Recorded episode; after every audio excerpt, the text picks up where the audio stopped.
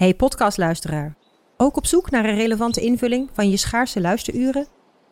Tune dan in op de podcastserie ESG, even samengevat van BNP Paribas. Wij, Marloes en Aldert, spreken daar duurzame voorlopers en wereldverbeteraars. Waarover dan? Nou, bijvoorbeeld of we ooit duurzaam kunnen gaan vliegen. En waarom koeien in de stad nou een goed idee is? Dat en meer elke twee weken in een nieuwe aflevering. Dus abonneer je. ESG, even samengevat. Al 125 jaar kwaliteit voor jou thuis met Miele. Dat vieren we met jou. Ontvang nu tijdelijk een cashback tot 125 euro op veel Miele-apparatuur. Geniet van de kwaliteit van Miele. Voor perfect verzorgd wasgoed en kleding die veel langer mooi blijft. Voor een stralend schone vaat, even perfect als jouw diners. En een stofvrij thuis waarin echt hygiënisch schoon de standaard is. Check miele.nl voor alle feestelijke aanbiedingen.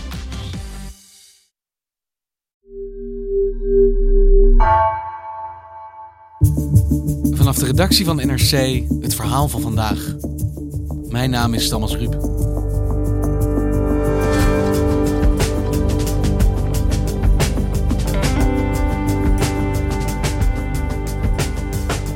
Medische data behoren tot de meest kwetsbare gegevens die er zijn. Als je een arts bezoekt, mag je ervan uitgaan dat de inhoud van dat gesprek geheim blijft. Toch gaat het juist in Nederlandse ziekenhuizen vaak mis, onderzoeksjournalist Jeroen Wester. Zoals bij de Brabantse Johanna, die haar medische geschiedenis teruglas in het boek van haar ex-man.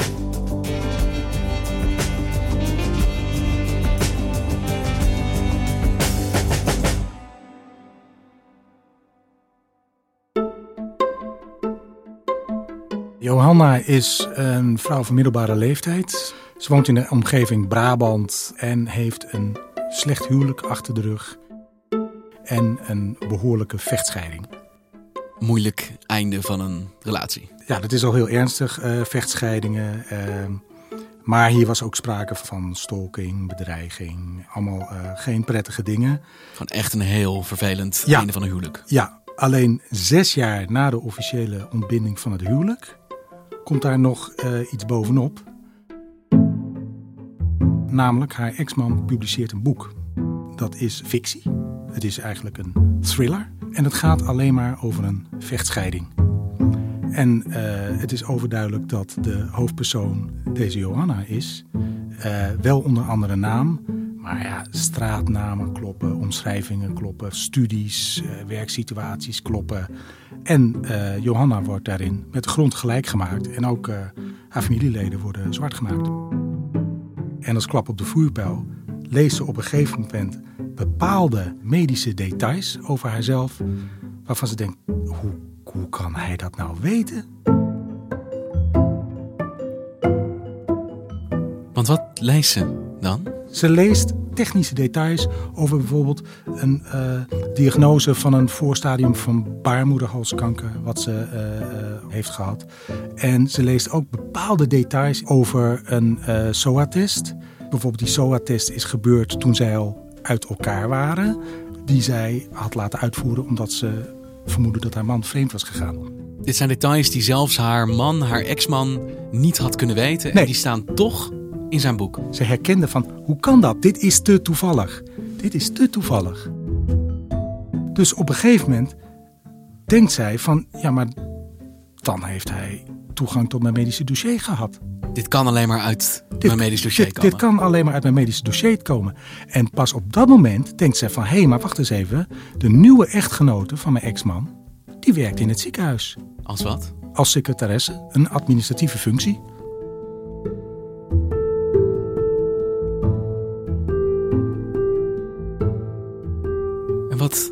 Doet ze dan? Ja, daarna eh, benadert ze het ziekenhuis, eh, want ze wil zien wie er waarom, wanneer in haar medisch dossier heeft gekeken. Ze wil controleren of dat vermoeden klopt dat er details uit haar medisch dossier in het boek van haar ex-man zijn beland. Precies. Dus eh, ze maakt een afspraak met de functionaris gegevensbescherming van het ziekenhuis. Het Bravis ziekenhuis gaat het om in Roosendaal. En ze vraagt, wilt u zoeken op de naam van deze secretaresse eh, of zij in mijn dossier heeft gekeken? En? ellenlange lijsten Een ellenlange lijst verschijnt op het scherm. Ze konden wel door blijven scrollen. Vier jaar lang heeft deze mevrouw bijna 400 keer in haar dossier gekeken. Nou, en dat niet alleen. Ze blijkt ook interesse te hebben voor de medische dossiers van haar moeder, dus de moeder van Johanna, en een dochter van het slachtoffer. Daar heeft ze ook in gekeken. Daar heeft ze ook in gekeken.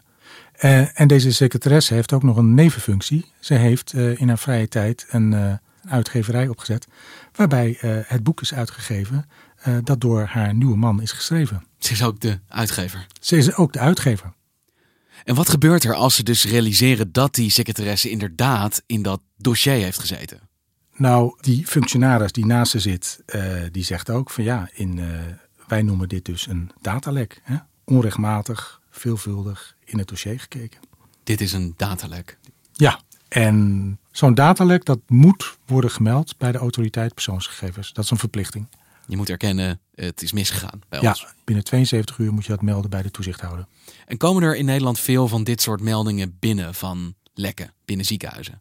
Nou, uh, dat is heel snel aan het groeien. Uh, inmiddels uh, zit het op 30.000 meldingen per jaar, waarvan uh, 2000 meldingen per jaar van ziekenhuizen. Dus dat is echt 35 keer per week komt er een melding van een datalek door een ziekenhuis. Ja, dat is hypergevoelige informatie, dus daar zijn we best bezorgd over. Medische gegevens zijn de meest gevoelige persoonsgegevens die je kunt voorstellen. Soms psychiatrische problematiek.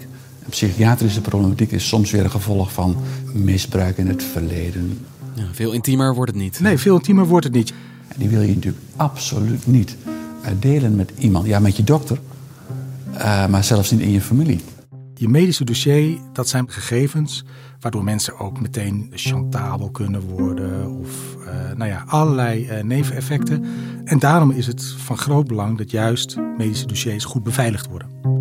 Hoe gevoeliger de gegevens, hoe groter het slot erop moet zijn en hoe minder er gelekt mag en moet worden. En een van de bekendste datalekken in Nederland is die uh, van uh, realityster Barbie bij het ziekenhuis in Den Haag. Het begon allemaal met een ziekenhuisopname van Samantha de Jong, beter bekend als Barbie. Ze wordt al jaren op de voet gevolgd door de roddelpers. Want ziekenhuispersoneel dat niks met de medische behandeling van Barbie te maken had, kon allemaal toegang krijgen en deed dat dus ook. Uh, ja, niet alleen het personeel dat Samantha de Jong behandelde keek in haar dossier. Bijna 100 ziekenhuismedewerkers die niets met haar van doen hadden, snuffelden er ook in rond. En kijk, het is natuurlijk ook moeilijk als werkgever uh, als uh, werknemers zich niet aan de regels houden. Maar daar kan je dus allerlei luiken en uh, sloten op deuren plaatsen hè, om dat risico te verkleinen. Want hoe is dit normaal gesproken in Nederland geregeld met de toegang tot medische dossiers? Wie daar wel en niet bij mogen en wat ze dan vervolgens wel niet kunnen zien daarin? Nou, je hebt uh, eigenlijk maar een paar systemen in Nederland. En uh, wat een natuurlijk spanningsveld is in de zorg, is als er iemand dat ziekenhuis binnenkomt en je moet snel bij de medische gegevens, zonder dat daar uh, instemming voor kan worden gevraagd. Ja, dat is niet altijd tijd om te overleggen met een nee, patiënt die nee, ernstig ziek is. Precies, dat is inherent aan beveiliging in het ziekenhuis. Dus daar moeten ook uh, noodprocedures zijn. En die zijn er. Dus dan verschijnt er op het scherm eigenlijk van u heeft geen autorisatie om uh, deze gegevens te bekijken. Maar uh, als het echt nodig is, kan je doorklikken. Nou, dat heeft uh, deze mevrouw ook gedaan. Dus die heeft tienmaal een noodstopprocedure in gang gezet. Die je eigenlijk bij spoedopnames en, en, en problemen kunt inzetten. Maar dan hoort er dus ergens in het ziekenhuis een belletje te rinkelen van... hé, hey, iemand die zet deze procedure in gang... Uh, en er kan altijd een hele goede reden voor zijn. Uh, maar het is wel handig als je dat dan controleert. En deze secretaresse heeft jarenlang die noodprocedure gebruikt om toegang te krijgen tot het medisch dossier van Johanna.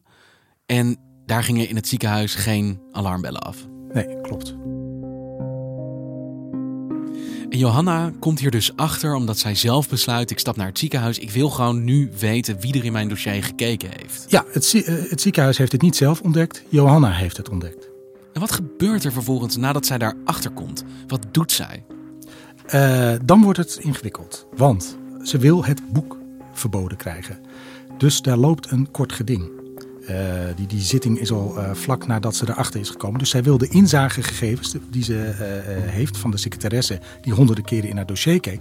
wil ze meenemen naar de rechtbank om de rechter te overtuigen van deze secretaresse... die ook uitgever was van het boek heeft dit gebruikt. Ja, bewijs voor de rechter, dit schendt mijn privacy. Precies, maar de, het ziekenhuis komt meteen, heeft meteen de reflectie, ja wacht even, ho, wij moeten deze zaak ook onderzoeken. Wij moeten ook wederhoor halen bij onze werknemer.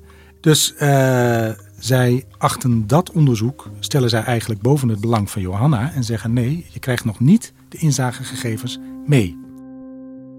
En het, uh, uh, de secretaris van de Raad van Bestuur zegt ook letterlijk van... tuurlijk, u heeft recht op deze gegevens... maar omdat we dit gevonden hebben, krijgt u het nu nog even niet mee. Dus ze kon uh, deze informatie niet meenemen naar de voorzieningenrechter... en die besloot dat hij niet overtuigd was dat dit boek verboden moest worden. Dus het mocht verkocht worden? Het mocht in de handel blijven. En het ziekenhuis zegt dus: wij gaan eerst, voordat we jou ook deze gegevens meegeven, zelf onderzoek doen. En wat blijkt er uit dat onderzoek van het ziekenhuis? Wat komen ze tegen? Er blijkt uh, uit dat uh, zij inderdaad dus onrechtmatig, veelvuldig, jarenlang in het medisch dossier van Johanna heeft gekeken. En wat zijn de consequenties daarvan voor deze secretaresse? Ze wordt ontslagen op staande voet. Maar niet vanwege het delen van die medische informatie uit haar dossier, oh. maar vanwege de inzage. En wat is daarin het verschil? Nou ja, Johanna vermoedt van ja, hallo, zij heeft in mijn dossier gezeten en heeft die informatie uit het ziekenhuis getransporteerd. En haar man, de nieuwe partner van deze secretaresse, die heeft dat gebruikt in het boek. Dus zij vraagt ook aan het ziekenhuis: maar hebben jullie dan niet gekeken uh, of ze dit gemaild heeft, of ze dit geprint heeft? Nee, zegt het ziekenhuis. Printhistorie hebben we niet. En mails, ja, daar kunnen we niet aan beginnen, want uh, die, die schrijft zoveel mails op een dag. Dat hebben we niet gedaan. Dus onderzoeken of er onrechtmatig toegang is verkregen tot deze informatie, wat een ja is. Ja. Maar niet wat er vervolgens met die informatie is gedaan. Oftewel, of er een lek was. Ja, ja. en de secretaresse ontkent het ook. Uh, het ziekenhuis vroeg natuurlijk van, heeft u deze informatie gedeeld? Nee, dat heeft ze uh, niet gedaan, zei de secretaresse. Dus de secretaris van de Raad van Bestuur zegt dan tegen Johanna: um, Ik zal even voorlezen. We hebben uw woord, uw veronderstelling, uw mening dat dat is gebeurd. En we hebben de mening van de medewerker dat dat niet is gebeurd. Dus voor ons is dat niet vast te stellen. Dus ze erkennen dat er onrechtmatig toegang is verkregen, maar niet dat er ook gelekt is. Het is eigenlijk he said, she said of she said, she Precies. said in dit geval. Ja, sterker, dat ziekenhuis gaat de bewijslast omdraaien.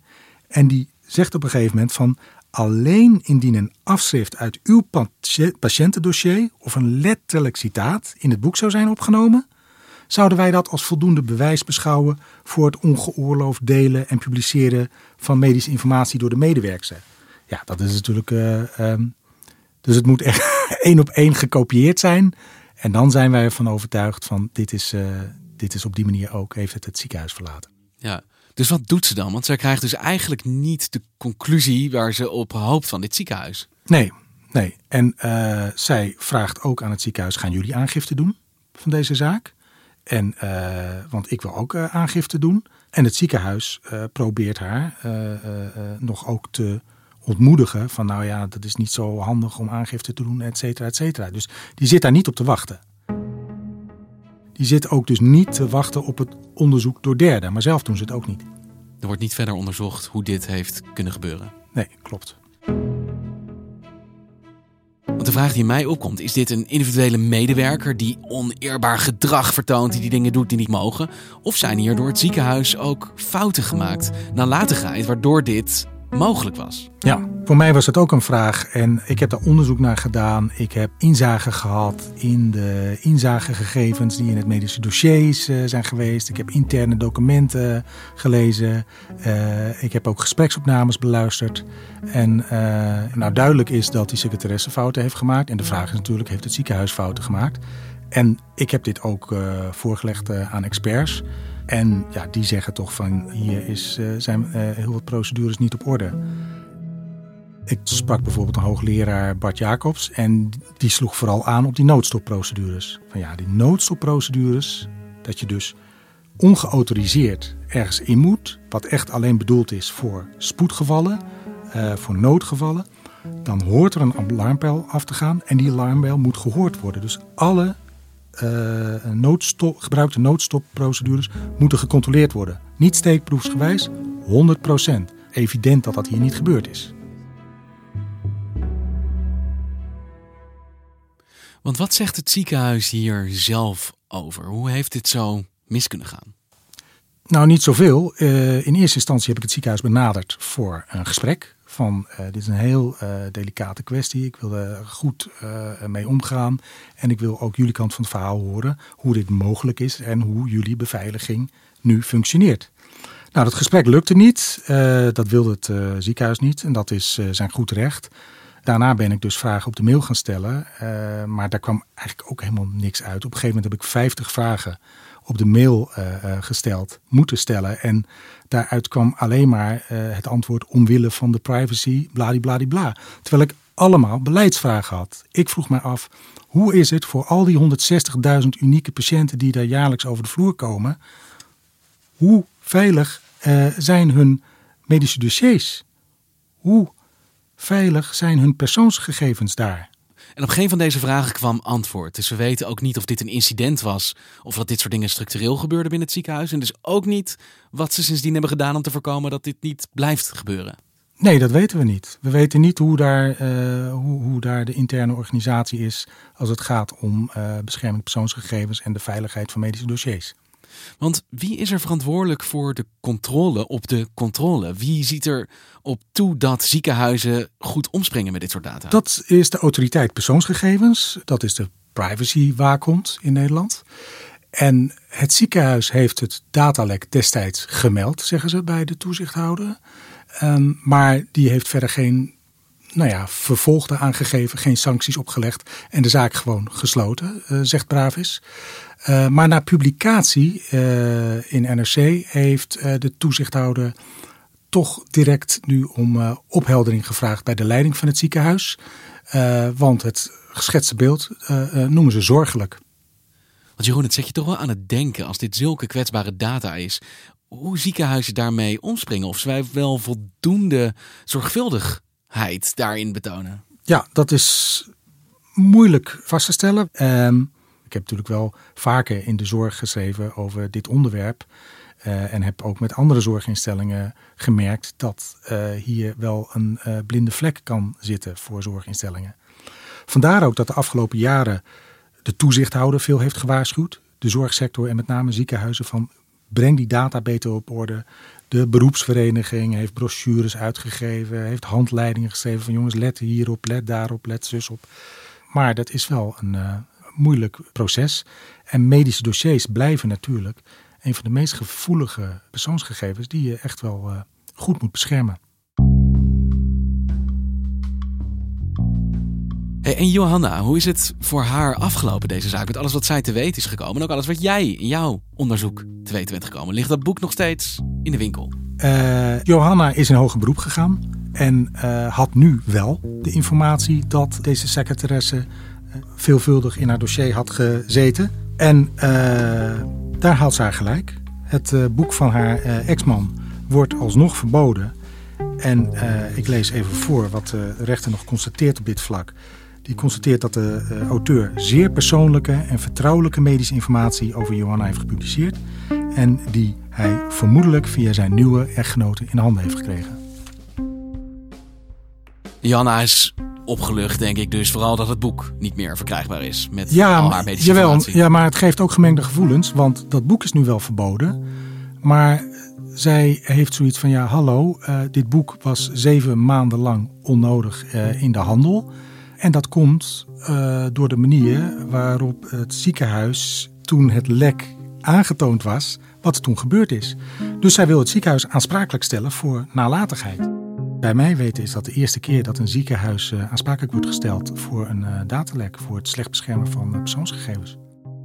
Dus het ziekenhuis kan zeggen: wij hebben ons onderzoek afgerond, maar mogelijk gaan ze de gevolgen hiervan nog wel ondervinden. Nou ja, het ziekenhuis is gedagvaard, dus uh, ze zal zich voor de rechter moeten verantwoorden uh, waarom hier niet uh, verder actie is ondernomen. Dankjewel Jeroen. Graag gedaan.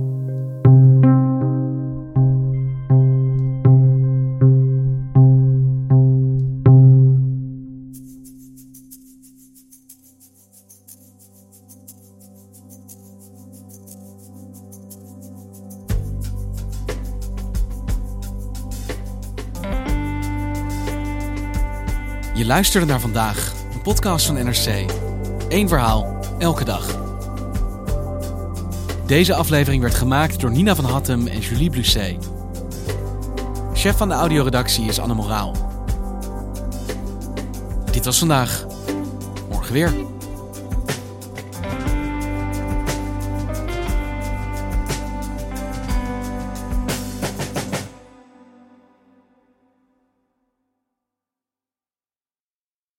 Technologie lijkt tegenwoordig het antwoord op iedere uitdaging. Bij PwC zien we dit anders. Als we de potentie van technologie willen benutten, kunnen we niet zonder een menselijk perspectief. Human-led, tech-powered noemen we dat. Ga naar pwc.nl.